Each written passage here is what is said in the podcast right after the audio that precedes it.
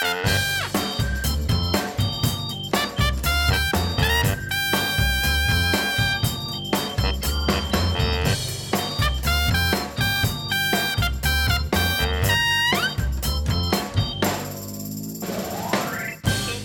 rots gaan wij onze zuil bouwen. We gaan onze democratie herstellen. En vandaag, vandaag is de eerste grote veldslag gewonnen. Dankjewel. Jawel, jawel, jawel.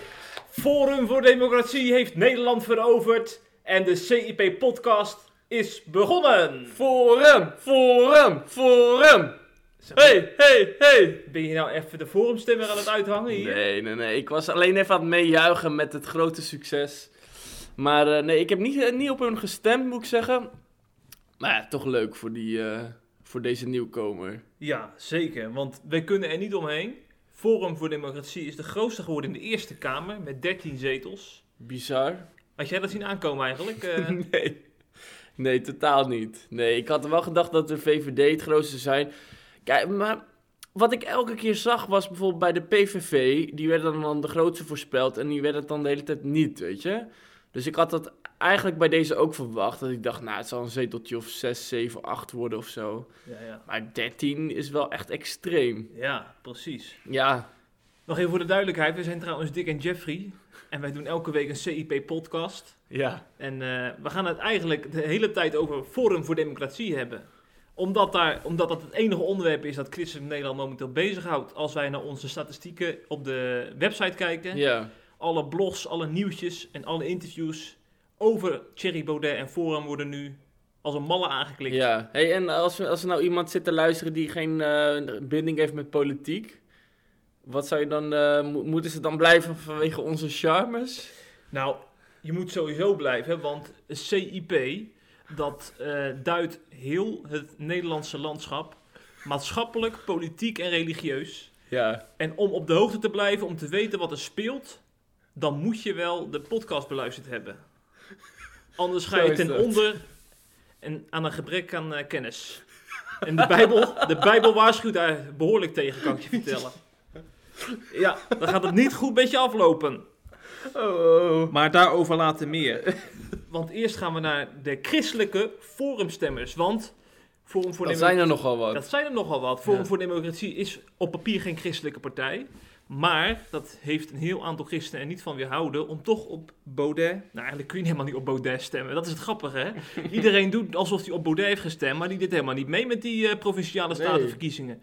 Je hebt maar- gewoon op een paar van die provinciale tokkies eh, gestemd. Ja, ja. Ja. dat zijn jouw woorden.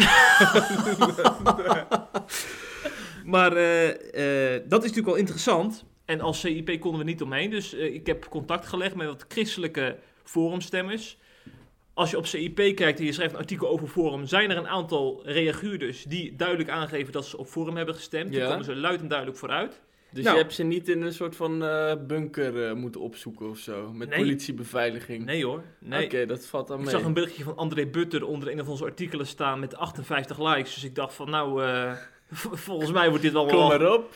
Volgens Ja. mij wil hij zijn verhaal wel laten horen. Ja. Dus hij is een van de FVD-stemmers die heeft meegewerkt aan het artikel. En eh, misschien is het maar goed om gelijk onze analyse eh, te doen. Want een paar dingen vielen dan op in dat verhaal. Namelijk een heel aantal FVD-stemmers die eh, hebben een strategische keuze gemaakt. Ze zijn het inhoudelijk misschien wel eens met Forum voor Democratie. Maar eigenlijk zijn ze het inhoudelijk nog meer eens met de SGP. Want de SGP is zoals we weten een betrouwbare, stabiele christelijke partij. Die eigenlijk ook. Ja. die niet met één Bijbel, maar met wel, wel drie Bijbels in de politiek zit. Want zo belangrijk vinden ze die Bijbel. Ja. En eh, ja, dus dan is het ook logisch als je als christelijke conservatieve eh, stemmer, dat je dan bij SGP uitkomt, hè, zou je normaal gesproken denken. Maar, er is een maar, de SGP is relatief klein, daar moeten we eerlijk in zijn. Volgens mij hebben ze maar één zetel in de Eerste Kamer. Ze hebben er één verloren, dacht ik.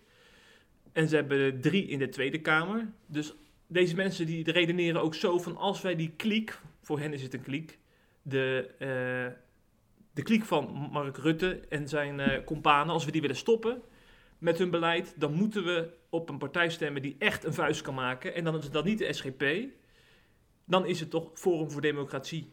Ja. Dus eigenlijk is het een strategische stem geweest. Mhm. Wat ook alweer gek is, want strategische stemmen doe je vooral bij de Tweede Kamerverkiezingen, omdat je dan coalitievorming hebt. Hè, dat je bijvoorbeeld met- die eh, verkiezingen toen de VVD en de PvdA allebei heel groot werden en gedwongen werden om met elkaar te regeren. Dat waren echt strategische kiezers. Die Mhm. dachten, we gaan of voor die of voor die, omdat we anders een te grote linkse of een te grote, of een te grote rechtse partij krijgen. Ja, en dan, dan heeft het zin, denk ik, maar met een Eerste Kamerverkiezing om nou strategisch te gaan stemmen. Weet je wat je nou krijgt? Dan gaat de regering gaat dan zeggen van Forum, de groeten. Wij gaan wel naar de PvdA of naar GroenLinks om onze meerderheden te, te halen in de Ja. Eerste Kamer. Maar goed, Ja, dat is wel zo, maar dat, dat gaat natuurlijk de VVD ook niet helemaal willen. Want dan komt er nog meer ruimte op rechts, zeg maar. ja, daar heb je ook weer een punt. Dus, eh, en dat is ook wel weer gevaarlijk voor hun. Dus hoe meer ze dit gaan doen, hoe meer eh, ze het Forum de kaart inspelen. Dus ik denk dat het ook wel weer een spagaat Ja. kan opleveren. Ja, wat dat betreft heeft het wel natuurlijk voordeel dat je met 13 zetels in die Eerste Kamer zit. ja, Anders snoep je ook heel veel zetels van anderen af. zo is dat. Ja. Maar, eh, dus het is niet alleen een strategische stem, maar volgens mij is het ook nog eens een proteststem, proteststem tegen de regering. Eigenlijk heb- het waren provinciale statenverkiezingen, maar laten we nou eerlijk zijn. Wie is er nou bezig met het viaduct of de brug die wordt gelegd eh, ja, in, in, in eh, Sint Maartensdijk of, of in Kaatsheuvel? Iedereen is toch bezig met wat de landelijke politiek allemaal zegt over klimaat, over immigratie, over eh, wel of geen referendum, dat soort dingen. Dat houdt natuurlijk de mensen bezig. En zeker als je dan ook nog eens al die partijleiders ziet debatteren dan op tv, dan geven ze zelfs ook nog eens de indruk dat het om hen gaat en niet om de provincie. Dus ze geven er zelf ook nog eens aanleiding voor. Ja, en dan is het natuurlijk alleen maar een kwestie van inkoppen. Hè, dan komt die bal, die wordt voorgegeven. En dan denkt André Butter dan, ik kop hem zo binnen en ik eh, tik FV FVD aan. Ja. Zo gaat dat dan. Ja, en zo geef je een signaal af aan heel Nederland van wij zijn het zat. Er moet verandering komen. En de klimaatgekte. ja, dat viel me dus op. Er zijn twee thema's die eruit springen bij die FVD-stemmers, ook bij die christelijke. Dat zijn dus klimaat en immigratie. Ze zeggen, ze, eigenlijk zijn ze bang dat zij moeten opdraven eh, voor regeringsbeleid financieel. Hè? Want eh, ja, er moet natuurlijk betaald worden, hè? al die zonnepanelen en al die eh, andere plannen om, om een groen Nederland te worden. En eh, ja, die, die mensen hebben er helemaal geen zin in. Die vinden dat, ze spreken van klimaathysterie, hè? dat het allemaal wordt overdreven. Het realistische klimaatbeleid, dat is eh, eh, niet te bekennen. En dan is het toch prachtig dat je een man hebt die al die klimaatgekte ontkent. Zo is dat. En dat je daar ook nog eens op kan stemmen. Ja. Dat is dus Thierry Baudet. Ja, wel apart, want ja, zeg maar, als ik daar dan mijn mening op kan geven, eh, op, op hier, op, eh, op deze strategische stem, ik snap het wel. En ik was zelf ook wel gematigd blij hoor, ermee, zeg maar. Omdat je, eh, ja, vooral ook die arrogantie, weet je, ook bij mensen als een, bij De Wereld Draait Door. Ja, dat was dus die avond voor de verkiezingen. hè? ja. Dat, ze- wat zeiden ze daar allemaal dan? Ja, gingen ze helemaal, Prem ging helemaal los op, op, op Thierry Baudet, hoe slecht hij is en bla bla. Ja. Maar het was gewoon een beetje dat. Maar ook christen als een Stefan Paas, zeg maar. Weet je, die leven zo erg in een linkse bubbel. Ja, Stefan Paas is een theoloog. Theoloog des Vaderlands geworden vorig jaar. precies. Maar goed, die mensen die zijn alleen maar eh, bezig met GroenLinks-achtige onderwerpen. Dat is dan hun soort van. eh, nou ja, daar hebben ze het veel over, laat ik het zo zeggen. Eh, maar het, er zit gewoon een stukje arrogantie bij, weet je. Ook van. alsof hun. Hoe zij leven, zeg maar. Alsof dat de, de toon is die heel Nederland moet volgen of zo. Ja. En ik ben. Ja, er zijn toch gewoon heel veel Nederlanders die. eh, maakt niet juist niet per se die inhoud alleen, maar gewoon dat die muur kapot geschoten wordt, weet je? Dat die mensen even lekker wakker worden uit hun droomwereld. Eh, en ik moet eerlijk zeggen dat, eh, dat ik daar ook wel, ja, wel mee eens ben dat er ook wel wat meer nuance in het klimaatbeleid mag. Ik vind ook wel de instroom van de islam, weet je, mag ook wel een beetje iets meer maat opkomen. Dus ik ben ook wel eh, op zich wel blij, ook al zou ik nooit op hem stemmen. Eh, maar ik vind wel, zeg maar, ook als christen, ook al zijn dit thema's die heel veel spelen, moet je toch een beetje. Ja, ik, ik heb wel wantrouwen, zeg maar, tegen deze partij ook. Eh, want ik vind ze een beetje moeilijk in te schatten. Want bijvoorbeeld Geert Wilders, die was altijd heel erg gematigd hè, bij medisch-ethische thema's. Bijvoorbeeld abortus wilde die dan verbieden boven de zoveel weken. Hij, was, hij liep niet, was niet zo progressief, zeg maar, zoals Hmm. D66. Dus je kon hem best wel goed erbij hebben. Maar Forum is toch wel anders, heb ik gemerkt. Want ehm, eh, bijvoorbeeld, een belangrijk stokpaardje natuurlijk voor christenen is natuurlijk de regenboog. eh, eh, ja, weet je, de, voor, je kan dus zeggen wat je wil, maar je hebt er toch veel mee te maken, omdat het zich heel vaak. eh, het conflict speelt zich vaak af met christenen, zeg maar, die, die regenboogagenda. Oh, je hebt het over de Ja. LHBTI-gemeenschap. Nou, en daar is bijvoorbeeld Nanninga van, de, eh, van Forum Amsterdam.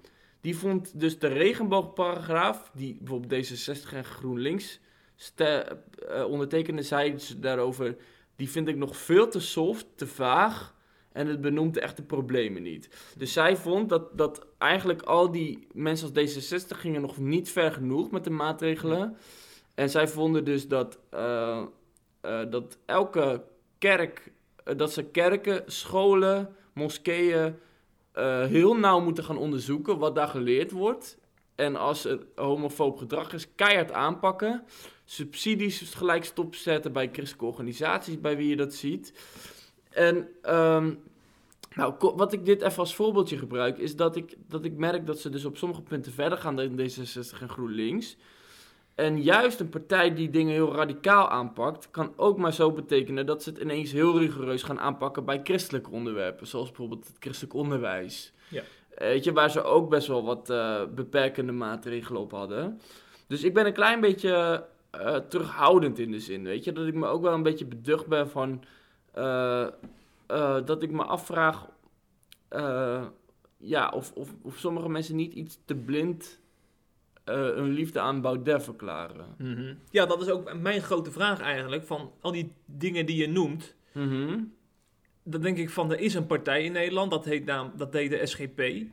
Dat heeft ook heel veel conservatieve standpunten op het gebied van klimaat en immigratie en zo. Ja, Maar die hebben wel gewoon die, die, zeg maar de, de bijbelse normen en waarden hoog staan. Dus als met bijzonder onderwijs, wat je noemt, en, eh, en ook die LHBTI-agenda, die heel veel conservatieve christenen ook nog steeds belangrijk vinden. Mhm. Dan denk ik, die partij, die bestaat meer dan 100 jaar, die is er, die laat zijn geluid horen. ja. Waarom stem je daar niet op? Dat is mijn grote vraag nog steeds. ja, dat vind ik ook. Ja, ja, Ja. dan is natuurlijk het antwoord van ja, ze zijn te klein. Maar dat vind ik een beetje makkelijk eigenlijk. Ze hebben wel juist de afgelopen jaren super veel invloed gehad. Ja, dat is Want die goeie. ene Ja. cruciale extra stem in de Eerste Kamer van afgelopen Ja. kabinetten, nou, dat heeft heel wat ellende tegengehouden. Ja, dat heeft in, in de media is dat genoemd eh, Kees van der Staaij bij Rutte op de achterbank. Hè? Dat is het eh, voorbeeld dan Rutte ging dan eh, met, met de dienstauto ging die ergens naartoe. En Van der Staaij ging stiekem op de achterbank zitten om te overleggen. Ja. Om er wat dingen voor elkaar te krijgen. Dus ze zijn eigenlijk heel invloedrijk Ja, geweest. niet normaal, inderdaad. En dan maakt het dus niet, veel, niet zo heel veel uit of je nou één, één of twee zetels hebt Nee. of, of dertien zoals Forum in de Eerste Kamer. Klopt. Dus je bent gewoon nodig in, de, in dit land, want we, we leven met heel veel verschillende partijen. De versplintering is alleen maar toegenomen. Mhm. Dus juist dan ben je als kleine christelijke partij heel kansrijk, lijkt mij. Ja. Dus dat is één ding wat zeker is. Zeg even wat anders, hè? Want ehm, ik heb eh, vorige week een eh, debatje gehoord op Radio 1. En eh, daar was... Luister je dat nog? Nou ja, ouderwetse 1. zender. eh, Hou nou toch op, radio is een van de mooiste media die er is, man. Eindelijk een beetje verdieping en niet al die, die, die, die kijkcijfers op bij RTL waar het alleen maar gaat om tranentrekkers en om nee, emoties. je hebt gelijk. Ja. Radio is heel verdiepend en daarom luister ik wel eens naar Dit is de Dag van Thijs van der Brink. Daar was Arnold Huigen te gast, theoloog van de Christelijk Gereformeerde Kerk. En hij ging in debat met eh Henk-Jan Polsman. Hij is lid van Forum voor Democratie, de hervormde dominee De uit Nieuwkoop. PVV-dominee. Ja, hij werd FVD. Ja, vroeger Ja. was het de PVV-dominee. Was hij PVV? Ja, hij was PVV'er. Oké, nou, dat Ja. wist ik niet. Ja. Maar in ieder geval, ze gingen in debat en daarbij eh, kwam de religieuze retoriek van Baudet te sprake. Want hij heeft natuurlijk een speech gegeven hè, in, eh, eh, na, na de verkiezingsoverwinning. En daarin heeft hij nog wel heel veel dingen gezegd die voor veel ophef hebben gezorgd. Maar wat heel veel media hebben laten liggen is toch wel dat eh, hij daarin toch heel erg veel religieuze woorden heeft gebruikt. En misschien wel om zo ook eh, christenen aan te spreken. Hij sprak bijvoorbeeld over een culturele en spirituele leegte. Nou, dat doet mij denken aan eh, theologen die, die toch wel één keer in de zoveel tijd moeite hebben met de kerkverlating en de secularisatie, hè, dan hebben ze zoiets van, ja, Nederland is aan het afdwalen, want we zijn van de christelijke leer afgeweken. Ja. En die leegte willen we nu opvullen met allemaal vermaak en eh, ja, seculiere agenda. En daar speelt Baudet eigenlijk heel slim op in, want hij beschouwt die leegte eigenlijk, eh, hij, hij, hij beschouwt ook die seculiere leegte, maar in zijn ogen vult Nederland het op met de klimaatreligie.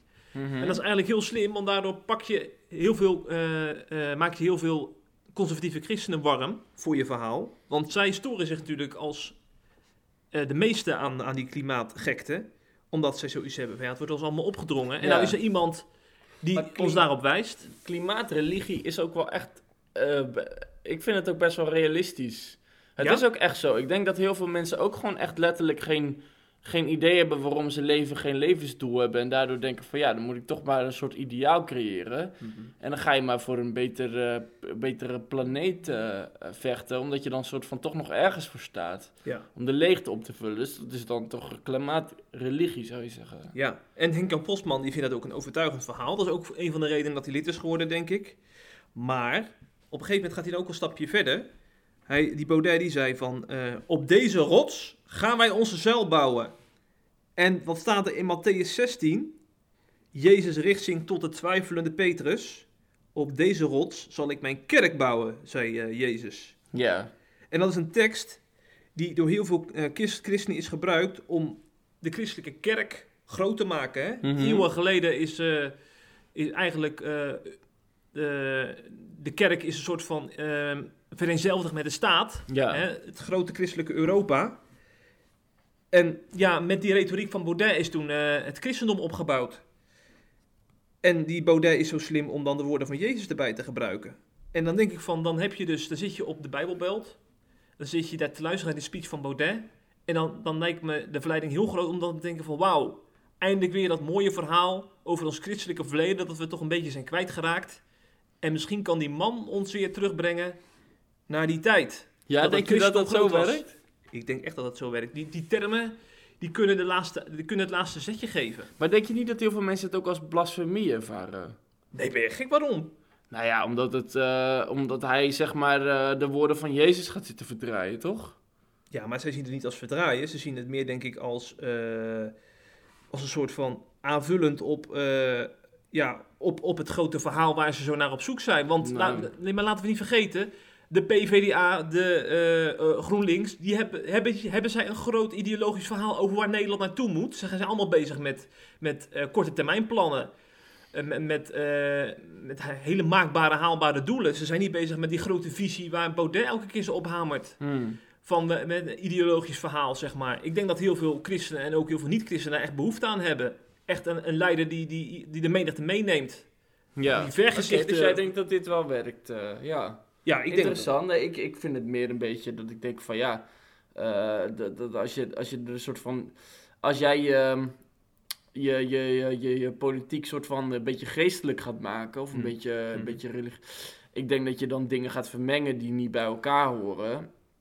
Eh, want ik denk dat, eh, dat politiek helemaal geen oplossing is, zeg maar, voor de, voor de echte problemen in onze maatschappij. Omdat je, het, ik denk dat het echte probleem in Nederland is dat er gewoon een enorme geestelijke leegte is. En dat mensen leven een beetje voor zichzelf en voor hun bezit en voor hun eigen geluk. En eh, ja, ze, het ontbreekt toch heel veel mensen gewoon aan idealen en aan naaste liefde en het grotere plaatje, zeg maar. Dus als ik Nederland zie, dan vind ik het een beetje koud en liefdeloos. En soms dan zit ik ook bijvoorbeeld of ook in de metro of in de trein en dan kijk ik om me heen en dan met al helemaal met het donkere weer. Is iedereen toch een beetje troosteloos. En een politiek leider die kan dat wel een beetje oppoetsen, maar je bent niet de messias, zeg maar. Eh, dus je kunt de rotte binnenkant kan je niet herstellen via de politiek. Dus kortom, eh, eerder dan dat je het via de politiek de verlossing verwacht, is het cruciaal dat het ergens anders vandaan komt, denk Ja, ik. maar ik denk ook niet dat mensen eh, hem als verlosser zien. Ik denk meer dat ze hem zien als iemand die eindelijk eens een tegengeluid laat horen en wijst op ons christelijke verleden dat helemaal is weggepoetst door het secularisme en door al die D66 moralitici. Ja, maar toch denk ik wel dat te veel mensen denken dat een politiek leider hun hele leven kan veranderen, zeg maar. En dat, het, Ja. dat hun hele land helemaal. Terwijl dit zijn gewoon dingen. eh, dit is gewoon het geestelijke klimaat in Nederland. Eh, zeg maar, waar, je, waar het gewoon door komt. Weet je, dat mensen gewoon leeg zijn en gewoon. Ja. Het, het, het is gewoon. Nederland is gewoon. Kijk, je, je kan over heel veel arme landen zeggen wat je wil, maar geestelijk zijn ze bijvoorbeeld een stuk rijker dan Nederland. En eh, je kan dat echt via de politiek. Geen één politicus kan innerlijke onvrede kan dat zomaar wegnemen. Mhm. En eh, ik denk dat het juist cruciaal is dat, dat de kerk gewoon die taak op zich neemt. En eh, dat er een kerk opstaat die voor wie het geloof weer iets kost, weet je. Dat, ze, eh, dat je bijvoorbeeld een keer met je gemeente een nacht gaat opblijven om te bidden. Of dat je, dat je elke week een avondje Netflix opgeeft om het licht te zijn in de buurt. Weet je, dan verandert er echt iets. Weet je, als mensen zelf gaan opstaan en zelf eh, het licht gaan zijn, zeg maar. Want alleen Je- Jezus is het licht, weet je. Een politicus kan nooit geestelijke duisternis verjagen met politieke middelen, geloof Mhm. ik. Ja. Ja, misschien maak ik het een beetje geestelijk, maar ik denk toch echt dat dit. eh, dat, dat, dat, dat, het ergens ook riskant is als mensen een soort van een, een messias gaan zien in een politicus. En kijk, ik wil geen, geen parallellen gaan trekken uit het verleden. Dat vind ik ook helemaal niet hoor. Maar goed, er zullen misschien. me- Maar ik bedoel, als je een, het gevecht. Als je het gaat idealiseren, een politiek leider, dat vind ik ergens ook een beetje gevaarlijk. Ja, ja, Ja. ja. Maar ik denk ook eh, dat je onderscheid moet maken tussen christenen die heel erg met die dingen zoals jij bezig bent, met bidden en met de Heilige Geest en zo. En, en christenen die zich veel meer op de cultuur beroepen. Baudet is een cultuurchristen bij uitstek die alleen maar met, met eh, de westerse beschaving bezig is. Met een christelijk sausje eroverheen, denk ik. Aha. En er zijn heel veel mensen die helemaal niks met de Heilige Geest hebben of met Bijbel lezen, maar die vooral eh, eh, haar waarde hechten aan, aan die christelijke rituelen van vroeger. En dan Ja. is het bij Baudet aan het juiste adres. Ja, maar het is meer zo dat ik bedoel van eh, dat de duisternis, eh, die, die heeft daar wel een oorsprong in, zeg maar. Ja, ja, dat is toch. Jezus zegt dat natuurlijk ook. Van. Eh, de- jij bent het licht van de. Je, zeg maar, het licht dat schijnt in de duisternis, zeg maar. Weet Mhm. je? En. ehm, ja, ik denk toch dat dat wel de enige bron. Dat God wel de enige bron is om licht te brengen in een land. Eh, ja. ja. Dus in die zin denk ik van ja, weet je, prima als Baudet eh, cultureel heel veel dingen wil aanpakken, maar de echte problemen eh, los je maar voor een deel op. Je, je lost misschien symptomen op, je lost een heel klein beetje op, je geeft mensen weer een beetje hoop of zo, maar Ja. de echte problemen zitten dieper, denk ik, ja. in ons land. daarom zegt, Bo- eh, zegt Arnold Huigen ook, de theoloog die we net citeerden uit het Radio 1-programma, dat Baudet inderdaad vooral flirt met het christendom, maar dat het eh, diepgaandere christelijke verhaal ontbreekt. Mhm. En hij zegt ook in, en bij Radio 1, zegt hij ook van, ehm, dan zijn ChristenUnie en SGP dan toch echt de alternatieven. Want zij hebben niet alleen zeg maar een flirt met het christendom, zij gaan ook een slagje dieper door dat evangelie ook in de politiek eh, woorden te geven. Ja, zo is dat. Dus eigenlijk is Huigen dan eh, met jou eens, Dikkie. Ja, maar je hebt zelf, eh, jij hebt ook Baudet gestemd, toch of niet? Ben je helemaal mal? nee, ik zal sowieso nooit mijn politieke voorkeur via de podcast naar buiten brengen. Nee. Nee, ik ben een grapje hoor. ja, maar je bent er wel, ik vind het wel grappig. Je hebt wel een ge- genuanceerde opvatting daarin. Want je bent ook niet tegen Baudet of zo. Maar ook niet. Nou ja, ik denk alleen maar dat je van... Waar als christenen massaal op een, op een, eh, op een nieuwe, eh, nieuwe leider stemmen... dan denk ik van, nou, wat kunnen we daarvan leren? ja, Dat denk dat is ik een mooie, dan. hoor. mooie instelling inderdaad. Ja. Ja. Wat we in ieder geval niet kunnen leren van de afgelopen week... dat is de demonisering die ook gaande is rondom Baudet. Eh, want ik weet niet of jij de beelden hebt gezien... maar er was, eh, afgelopen weekend was er een antiracisme demonstratie aan de Ja. gang. En daarbij werd dus geroepen... eh, wat werd er ook alweer geroepen? Als je Thierry dood wil schieten, zeg dan paf. Nou, ik zou er wel willen maken... als je Thierry dood wil schieten, krijg je straf. En dat is nou ook wat er gaat gebeuren met deze mevrouw... want die is volgens mij opgepakt... ja. Want eigenlijk, dit is gewoon een, rechtstreeks doodsbedreiging natuurlijk aan het ad- adres van Baudet. En dat doet ons denken aan de tijd van Pim Fortuyn. Hè? Zeker. Heel veel mensen, ook in links-Nederland, ook vooraanstaande mensen, die hebben met be- best wel behoorlijke taal eh Fortuyn eh, gedemoniseerd. Alsof hij eh, niet een mens is, maar ja, een soort monster of zo die Nederland onveilig maakt. En je ziet nou toch een beetje hetzelfde gebeuren. Ik zag theoloog Stefan Paas, waar je net al naar verwees. Die zag overeenkomsten tussen Anders Breivik, die in Noorwegen ooit meer dan 80 jongeren heeft gedood. En, eh, en eh, Baudet en Wilders. Dat ze toch vanuit dezelfde ideologie hun verhaal halen. En we hebben een, een blog geplaatst van predikant Bram Beuten. Eh, hij vond dat de speech van Baudet deed denken aan de jaren 20 en 30 van de vorige eeuw. En, Wat bedoelt hij daarmee? nou ja, hij bedoelt daarmee dat... Bedoelt hij de, het fascisme zo? het fascisme natuurlijk, ja. Dat, dat was ook, werd ook gevoed door, door termen die Baudet volgens hem gebruikte. En Baudet gebruikte bijvoorbeeld de term als boreaal. Hè, het boreale Europa, daar, daar wil hij naar terug. En boreaal, dat is een term die ooit door Jean-Marie Le Pen is gebruikt. Dat is toch echt wel een hele ex- extreemrechtse politicus geweest. Die gebruikte die term om het eh Arische ras te duiden, zeg maar. Mhm. En ja, maar dan vind ik het ook wel weer makkelijk om dat allemaal in eh Baudet's schoenen te schuiven. Alsof hij hetzelfde bedoelde als die Le Pen en al die andere eh extreemrechtse rakkers. Want Baudet zegt dan in het AD dat hij met Boreaal een mooie poëtische aanduiding van het, westerse wereld eh, bedoelt. Nou kun je ook zeggen van waarom kies je dan geen andere woorden? Waarom gebruik je woorden die extreem rechts in de mond neemt? Maar Baudet heeft daar dan toch wel een verhaal bij. Mhm. Eh, maar goed, Maarten, het overtuigt theologen niet. Maarten Wisse zegt bijvoorbeeld... eh, ja, die verwijst ook weer naar extreem rechts in de jaren 30. Ik noem net als Stefan Paas. En eh, ja, er zijn nog veel meer reacties op Twitter die veel verder gingen dan dat. Ja. En dan was er Andries Knevel, die vond het tijd om in te grijpen. Hij schreef een blog op bij de EO, omdat hij het heel gevaarlijk vond worden, die demonisering van Baudet. En hij zegt, op zo'n wijze bereik je natuurlijk nooit je tegenstander. Hoe harder je tegen Baudet schopt, hoe meer hij verhard raakt.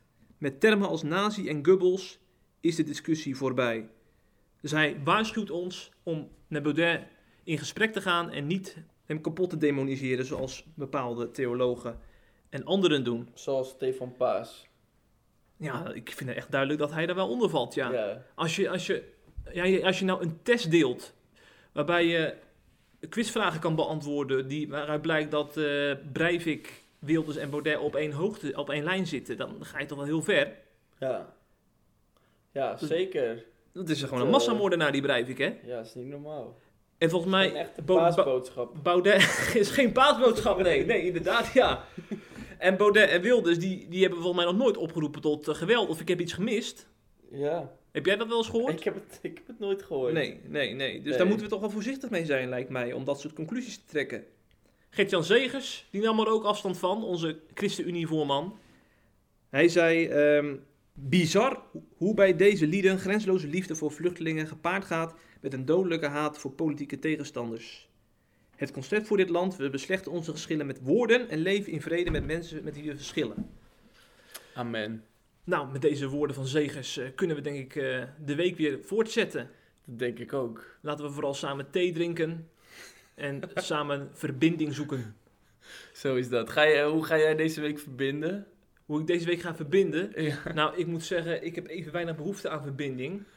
Want eh, ja, ik heb, ik heb me vorige week kapot verbonden. ik ben naar een bidstond geweest met allerlei verschillende christenen. Ik ben naar een feestje geweest met allerlei verschillende culturen. Omdat het Iraans nieuwjaar was. Ja. En eh nou heb ik zoiets van, nou, even, nou ga ik weer even individualistisch doen. Dus Netflixen, Ja. op de bank zitten. Oh, leuk. Ja, nee, dat maar is ook goed. Het ja. moet niet doorslaan, die verbinding, hè? Nee, dat is waar. Ja. Nee. We hebben ook nog een eigen huisje, een eigen leven. Ja. Soms moet je even die stilte weer opzoeken. Ja, want grijpt het je dan een beetje naar de keel, dat verbinden? Eh, nou, daar gaat het wel naartoe, ja. Ja. Dadelijk verlies ik mijn eigenheid en dat wil ik niet.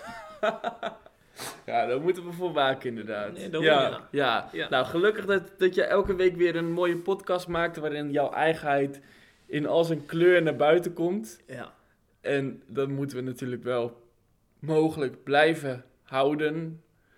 En daar is een middel voor, heb ik begrepen. ja, er is een middel Uit voor. betrouwbare bron. Ja, want als je naar cip.nl gaat en je klikt rechtsboven op een plusje, dan kom je bij CIP Plus uit.